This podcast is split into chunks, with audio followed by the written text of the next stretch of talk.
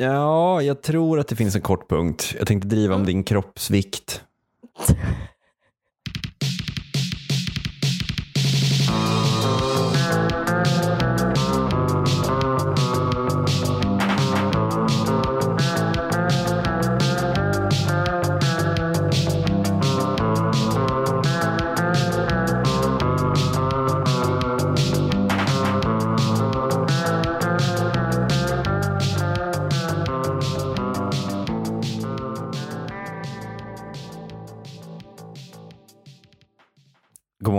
morgon Theander.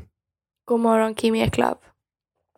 Jag, jag ska precis skicka ett ursäktande sms till min chef för att jag glömde, ehm, jag glömde en jätteviktig grej förra veckan. Mhm. Så försökte jag hitta eh, skam-emojin. Ja. Eh, Och så hittade jag bara den här eh, Margot Dietz-emojin, alltså en apa som skäms. Och det känns som att hon ofta använder den. Och kanske så. Är det någon som har, vill, spela paddel med mig? Jag hade bokat fel dag. Typ så. Och så Skäms apa apa. som skäms. Ni vet när man råkar filma en uteliggare. Skäms apa. Nej men det var ju bara personlig utveckling och det ska man inte skämmas för. Nej, just det. Men så sökte jag på skam istället. Och då fick jag upp alla emojis som har med bad och massage att göra. Och jag vet liksom inte riktigt vad emoji-sökfunktionen försöker säga mig här. Mm. Det är ett amerikanskt tangentbord. De skäms så mycket över att vara nakna ju. Ja, men även att, att få en, alltså att även att gå till frisören dyker upp under skam. Alltså den här Jaha. frisör-emojin. Så jag misstänker att det kanske bara är skamligt att vara kvinna. Ja. Jag kanske bara ska skicka en kvinna till min chef här. ja, det passar bra. Det är också kvinnor som eh, inte kan, inte är så bra på sitt jobb. Så det passar jättebra. Nu ska vi se här. Eh, så, jag skickade vanlig tjej bara. Jag tänker att han förstår. Ja, jag älskar den som verkligen bara är vanlig tjej rakt upp och ner. Eh, en tjej med blont hår. Jag måste bara eh, skohorna in här. eh, att jag, jag, jag och min fru är nu i vecka 32 Mm. i det här med bebis. Och då har jag en sån här liten app så man kan se bebisen i 3D och se liksom hur mycket den väger och typ hur trångt den har det och sådär. Mhm. Och de har nu lagt in en liten sån här story mode eh, där den, en röst och så lite lugnande musik och bebisens hjärtslag eh, i bakgrunden. Så man liksom får höra typ hur bebisen har det. Mm. Det närmar sig slutspurt i utvecklingen och hjärnan utvecklas nu i hög hastighet. Bebisen börjar kunna bearbeta information. Den reagerar på ljus och kan bearbeta olika signaler via sina fem sinnen. Barnet hör era röster. Nu kan barnet utföra rytmiska rörelser med lungorna och andas 35 till 45 andetag per minut. Jag vet inte om Oj. du hör. Men det låter som en eh, liksom som att, eh, som att barnet är en eh, Tesla typ eller liksom en teknik, någon avancerad teknologi. Vadå, slap, slap roofs of baby. This bad boy can fit 35 till 45 andetag per minut. ja. Jag tycker mer att det, att det är den här gamla datorrösten. Alltså det är inte den nya liksom, Mm. ehm, rösten i telefonen utan det är den gamla som är liksom lite glitchy. Det är typ Siri. Ja, men det, det är innan Siri. Det, Det som bara heter röststyrning. Just det. Så verkligen är en sån, "Ba- bebisen an, andas 45, 35, 45 gånger per minut. Alltså, som är liksom Ja. inte riktigt ihopsatt ordentligt. Mm. Ehm, sen är det någonting med hatchen har jag noterat. Så att det Mm. klickar hela tiden i bakgrunden. Som liksom sån här fräck techno. Och sen hör man bebisens hjärtslag. Och en bebis hjärtslag är dubbelt så snabbt som en människas. Vi- Vilket gör att man bara blir jättestressad. Ja. Först kommer liksom den här spa-musiken. Och sen hör man liksom... Och sen så kommer liksom en dator som bara... "B- b- Bebisen för, för, förbereder sig för livet utanför livmodern. Ja. Det är för sig inte värre än en um, app som Linnea hade som hade samma princip att du kunde se bebisen i 3D. Eh, Men då kunde du peta på den Nej, och då skrek den. men gud. Men eftersom den är i, i livmodern så, så, liksom, så skrek den ju under vatten. Men när jag skriker under vatten då låter det ju bara som någon som drunknar på film. Så liksom hade du det här lilla f- fostret då. Och så kunde du peta på det och så hörde man liksom men gud. Ja, men för det är verkligen som en sån sci-fi film, alltså det är typ Aniara, att så här, när Miman håller på att dö eller liksom systemet håller på att lägga ner. mm. Så det är tur att de har spa-musik så att, så att man blir lugn. Det är också spa-musik i, i liksom livmodern. Jag, jag, jag fattar. Alltså jag fattar. De, de har det så varmt och gott där inne. Eh, och, Ja. och, men det är någonting, jag vet inte. Det är någonting som känns dumt i det. Att de liksom self-carifierar graviditet. att bebisen håller på med self-care där inne. Det här har den checkat ut sitt friskvårdsbidrag för Mm. att få lite go, god spa. Ja. Det var bara det. Appen heter Preggers. Vi är som vanligt antisponsrade av Preggers. Vill ni att vi ska sluta prata om den? Sätt in ert bidrag. Punkt 656. Kan vi inte läsa varsin supertung rapport och redogöra för den? Tänk typ, jaha, Ellen, då är kulturdepartementets genomlysning av effekten av fri entré klar. Vad säger den? Kulturdepartementets genomlysning av effekten av fri entré är för övrigt en av mina kompisars namn.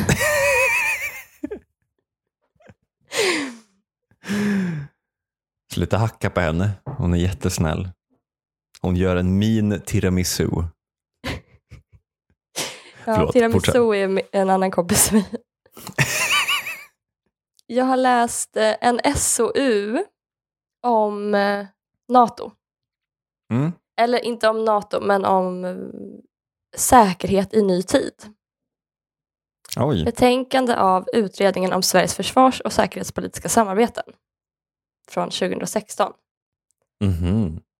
Regeringen Löfven eh, tillsatte den här utredningen istället för en utredning om NATO.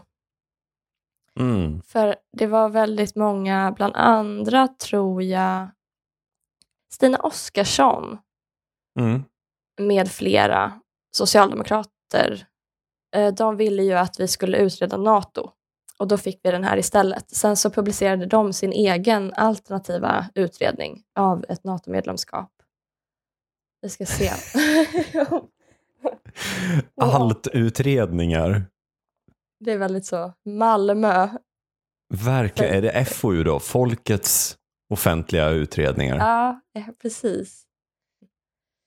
Eh, initiativet togs eftersom regeringen Löfven sagt nej till en statlig NATO-utredning eftersom ett medlemskap inte var aktuellt för regeringen. Istället tillsattes i september 2015 ambassadör Christer Bringius som utredare med ett mer begränsat syfte.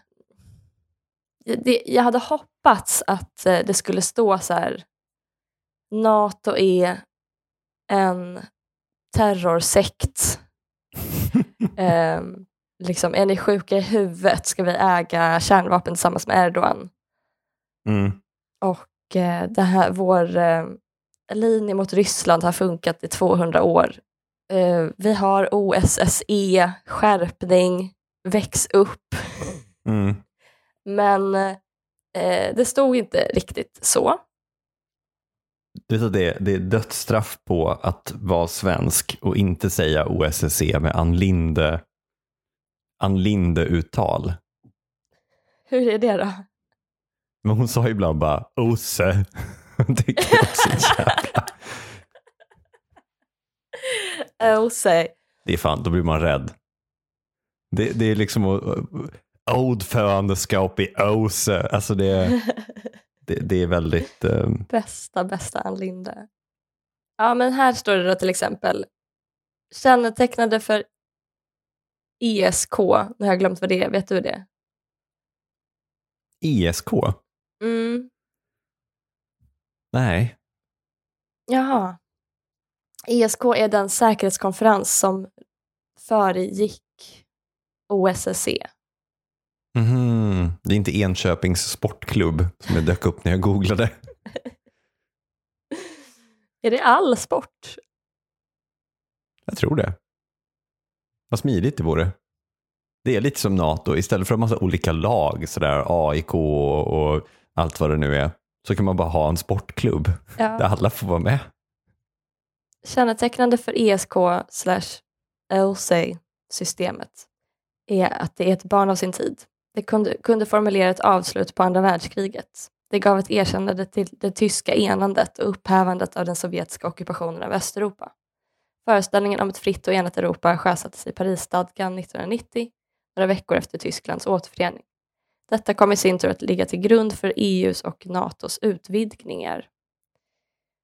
OSCE är idag den internationella organisation som hanterar de flesta aspekterna av den rysk-ukrainska konflikten.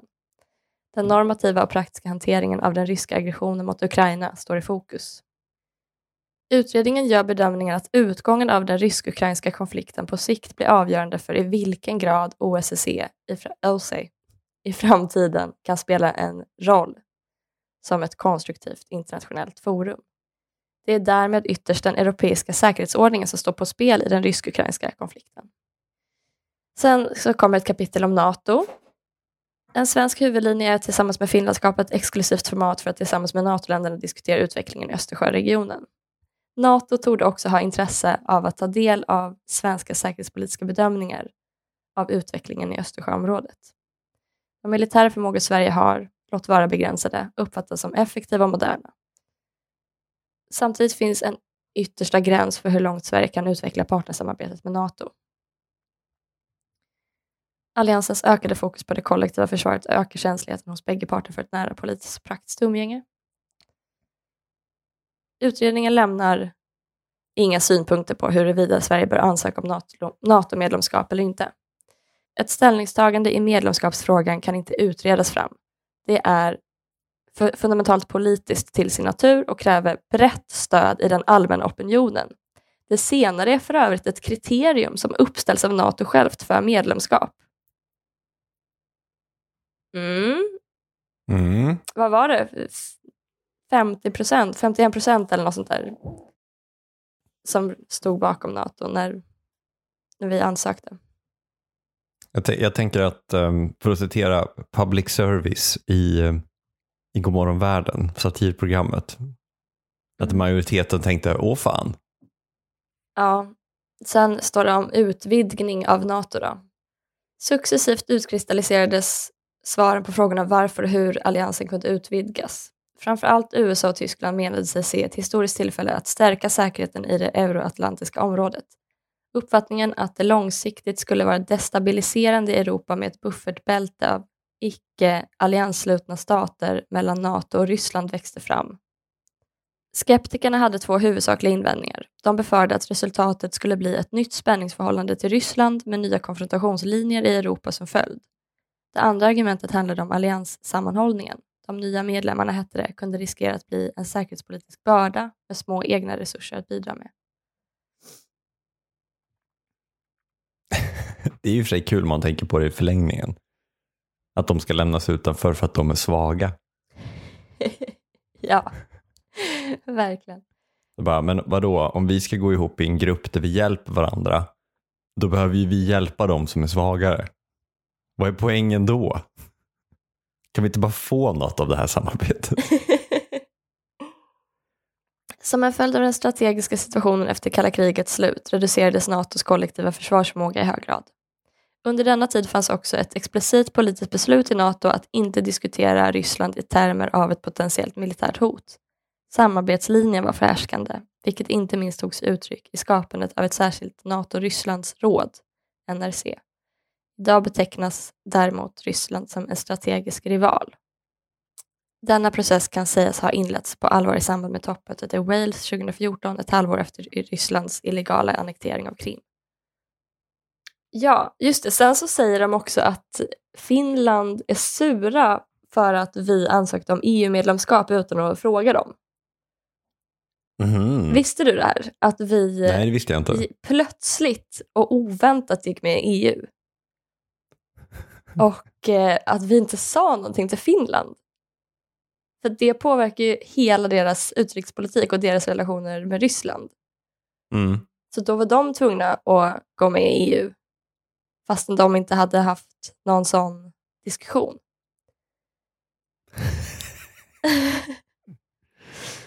Åh gud. Ja, det är ju ödesironi att de kommer i NATO före oss. Ja, men jag, då tänker jag ju att de liksom nu ger igen. Men det är det de inte gör, de är så jävla gulliga. Såg du inte när de fick det här officiella typ undertecknade avtalet om att de hade gått med i NATO? Ja. Så, så sa typ Jens Stoltenberg, eller vem det nu var, så här, nu är ni NATO-medlemmar. Och då sa Sauli Niinistö, ja, som NATO-medlemmar så har vi ju en viktig uppgift nu. Och så räckte de över ratificeringen av Sveriges. Alltså så här fem sekunder in. Alltså bara, vi förtjänar inte Finland. Åh, äkta bror. Alltså, vi sitter där och bara, sitter där och bara, Nivar sauna. Vi, vi bara driver med dem. Ja. Kosken. Ja. De bara, men Sverige är här, vi, vi ger er en hjälpande hand. ja. Finlands ansökan om EU-medlemskap 1992 var ett avgörande säkerhetspolitiskt vägval på ett helt annat sätt än Sveriges. Det som av allt att döma utlöste det finska beslutet var Sveriges oväntade besked om ansökan. På finsk sida har man aldrig dolt sin irritation över att man, som man menar, inte har blivit förhandsinformerad om detta. Genom åren har Finland etablerat en samarbetsrelation till Ryssland som också efter EU-inträdet framstår som konstruktiv och välfungerande. Det brukar hävdas att den 13 040 kilometer långa gemensamma och välskötta gränsen är den bästa gräns Ryssland har. Finlands förbindelse med Ryssland bygger också på ekonomiska intressen. I Helsingfors när man förhoppningar om att utbytet på sikt ska kunna återgå till tidigare volymer. Ett finskt NATO-medlemskap skulle innebära att NATOs landgräns till Ryssland mer än fördubblades. I den oberoende finska expertbedömningen konstateras att en finsk NATO-ansökan skulle leda till en allvarlig kris med Ryssland för obestämd tid. Eh, ett NATO-medlemskap skulle innebära att Sverige omfattas av de rättigheter och skyldigheter som Washingtonfördraget ger medlemmarna och där artikel 5 står i centrum. Ett NATO-medlemskap i, li i likhet med EU-medlemskapet skulle samtidigt i någon bemärkelse inskränka Sveriges politiska och diplomatiska handlingsutrymme. En svensk NATO-ansökan skulle utlösa en politisk kris med Ryssland vars omfattning är svårbedömbar. Och sen i efterordet så säger de den första Bernadotten på Sveriges tron drev igenom ett radikalt skifte i svensk säkerhetspolitik. Efter århundraden av konflikt med Ryssland och kamp för att bevara länen på andra sidan Östersjön accepterade han förlusten av dessa och gav en gång för alla upp föreställningen om Sverige som en stormakt. Den nya politiken kom att lägga grunden för den enastående långa period av fred och därmed välstånd som blev Sveriges. Det skickliga sätt svenska regeringar förvaltat Karl Johans arv har tjänat Sverige väl. Mot detta kan knappast någon invända. Sverige har i över 200 år varit förskonat från krigets fasor. Suecia Felix. Det var lite litterärt där på slutet. Exakt. Ja, alltså det här var ju inte så givande, va? den här eh, SOUn, men eftersom jag ändå hade läst den så tänkte jag att jag kunde dela med mig. Det, det glädjer mig att du delade med dig. Det Mm. Finns ju liksom ändå, alltså vi har ju hittat mycket på utredningar i det här landet. Mm, Det görs aldrig någonting. Liksom. Eh, Det bara görs en massa utredningar. mm, Men de är ju, de, de, de bygger ju våran gemensamma kunskapsbank. ja, Jag kan också tycka att det, det är väl, eh, alltså en eh, argumentation mot att gå med i NATO är ju eh, Turkiet. Mm, Eh, och det är inte en så liten eh, argumentation. mm, Ehm, ja, Ungern också för den delen. ja. Att vara i deras klubb så att säga. Mm. Men jag tycker ändå Erdogan visar lite vägen här. Att man, man kan ju faktiskt bedri- uppenbarligen bedriva sin egen politik inom NATO. Just det. Man kan vara lite motvalls. Ifall det har NATO den rätt dagen börjar handla om, liksom, de, bara så, de kommer att USA kommer trippande. Liksom. Ni vet hur vi har skyddat er med kärnvapen. Ja, tack så mycket för det. Ehm, det vore bra om ni sålde alla kommunala vattenverk. Det tänker vi inte göra. Det vill vi verkligen inte göra. Jo, men det är för integration i NATO. Det måste ni göra. Då- kan man tänka på Erdogan-doktrinen, när man är lite motvalls. Problemet är att Sverige aldrig är det, utan Sveriges eh, utrikespolitik är alltid så. Åh fan. Att det kommer liksom något direktiv från EU och, och vi bara, åh fan. Ja, ja. Ja, men det, det, alltså, det känns som att det skulle kunna komma ett direktiv från EU som liksom går ut av misstag. Eh, alltså, jag vet inte, någon råkar trycka på skicka ett mail mitt i natten Mm. och, och så går det ut ett direktiv som är jättefel. Det kanske står så, alla måste skita på sig. ja. Och så går det ut mitt i natten. Eh, Italien har inte ens öppnat mejlen. Liksom. De, de, de skiter i det. Grekland har inte råd. Nej. Tyskland har åberopat ett undantag från kol och stålunionen för att slippa skita på sig. Ja. Eh, och så kommer EU-folket till Sverige, eh, bland annat då, för att säga att så här, men ni behöver verkligen inte skita på er. Och vi sitter alla här med tunga byxor och luktar bajs. Och bara, va? Men vi skiter på oss jättemycket nu. Vi har gjort det olagligt att inte skita på sig. Vi har anställt 10 000 gamla tågvärdar för att gå runt och kolla om folk har skitit på sig. De bara, men det var bara ett misstag. Ja. Men vi är bäst. Vi är bäst på att implementera EU-åtgärder. Hör ni det? Öppna mejlet direkt. Så liksom sitter och uppdaterar mejlinkorgen mitt i natten. Vi har byggt en hel tjänsteindustri kring påskitande. Visma har tagit fram sk- Skitsoft 2000 för offentlig upphandling av skit.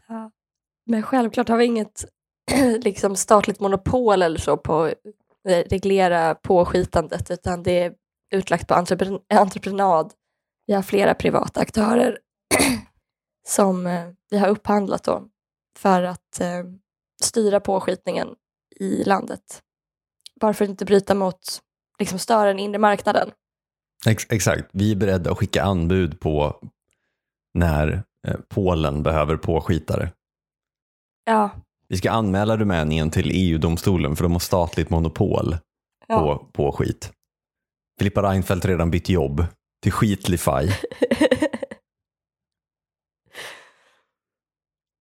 mm. Nästa gång kanske jag läser Stina Oskarssons utredning istället.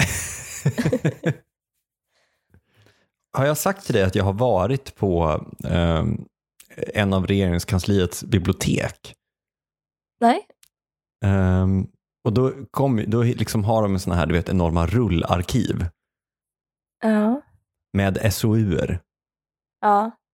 Jag, jag var där och skulle filma en grej, men jag var så jävla starstruck. Sen har de också en Tage Erlander-hylla. Är det så du får, är det din kran? Jag fick inte röra dem.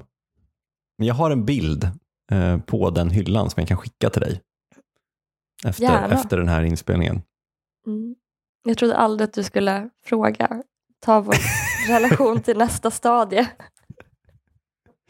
Skicka Tage Pix. Punkt 554. Vill etablera mig själv som Sveriges enda icke ätstörda tjej.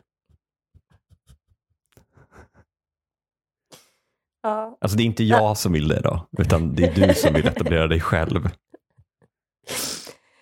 Det här är så hemskt. Alltså, det här är ju verkligen bara för att jag är smal.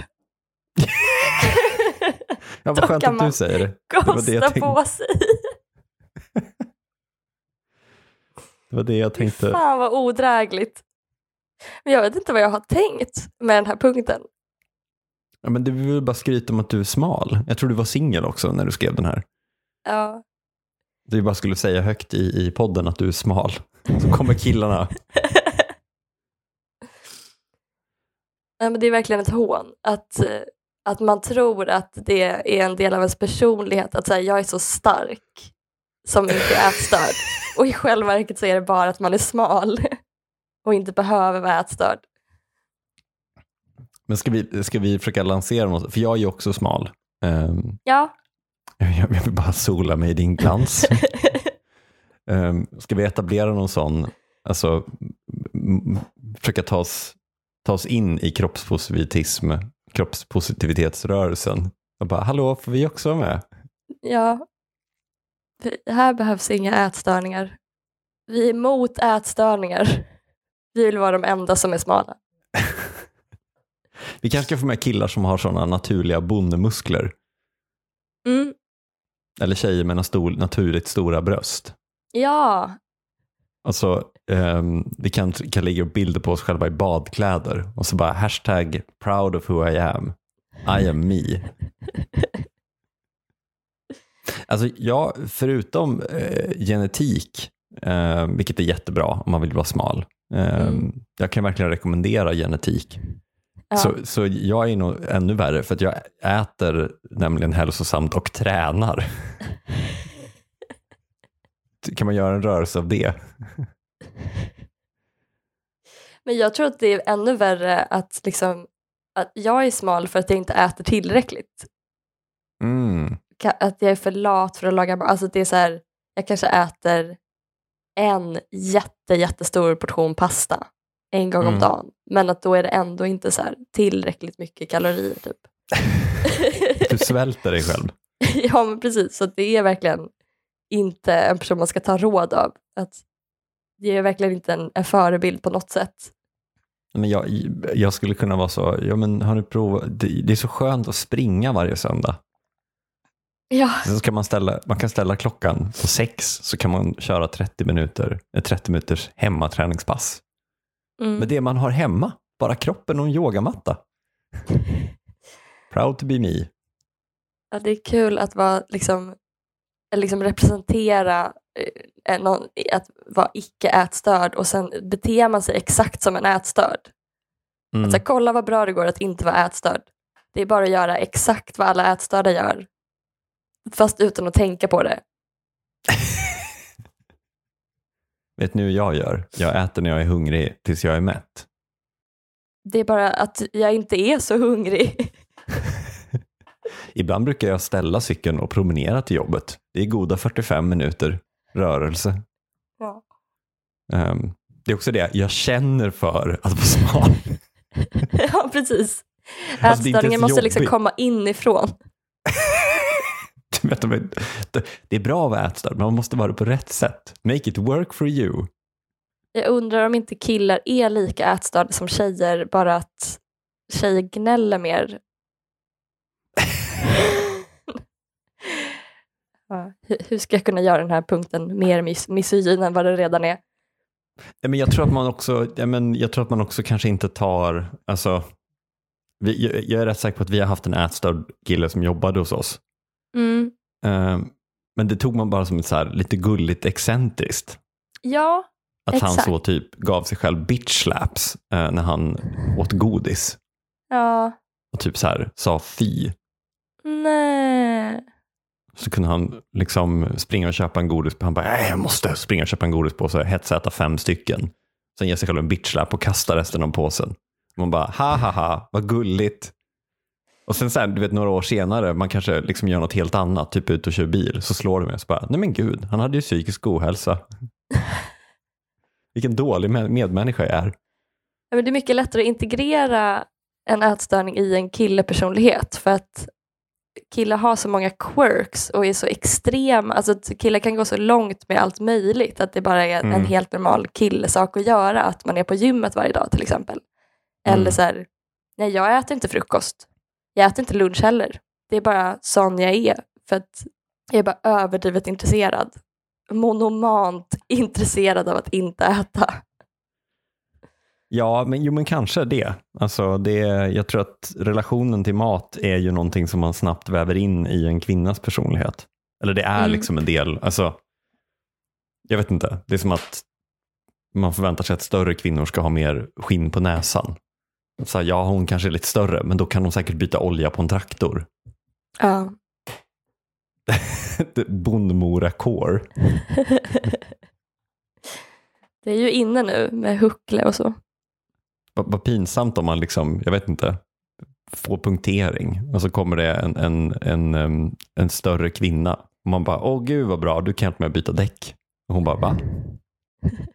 Varför tror du det? Ja, Man fett profilerar folk. du är väl centerpartist va?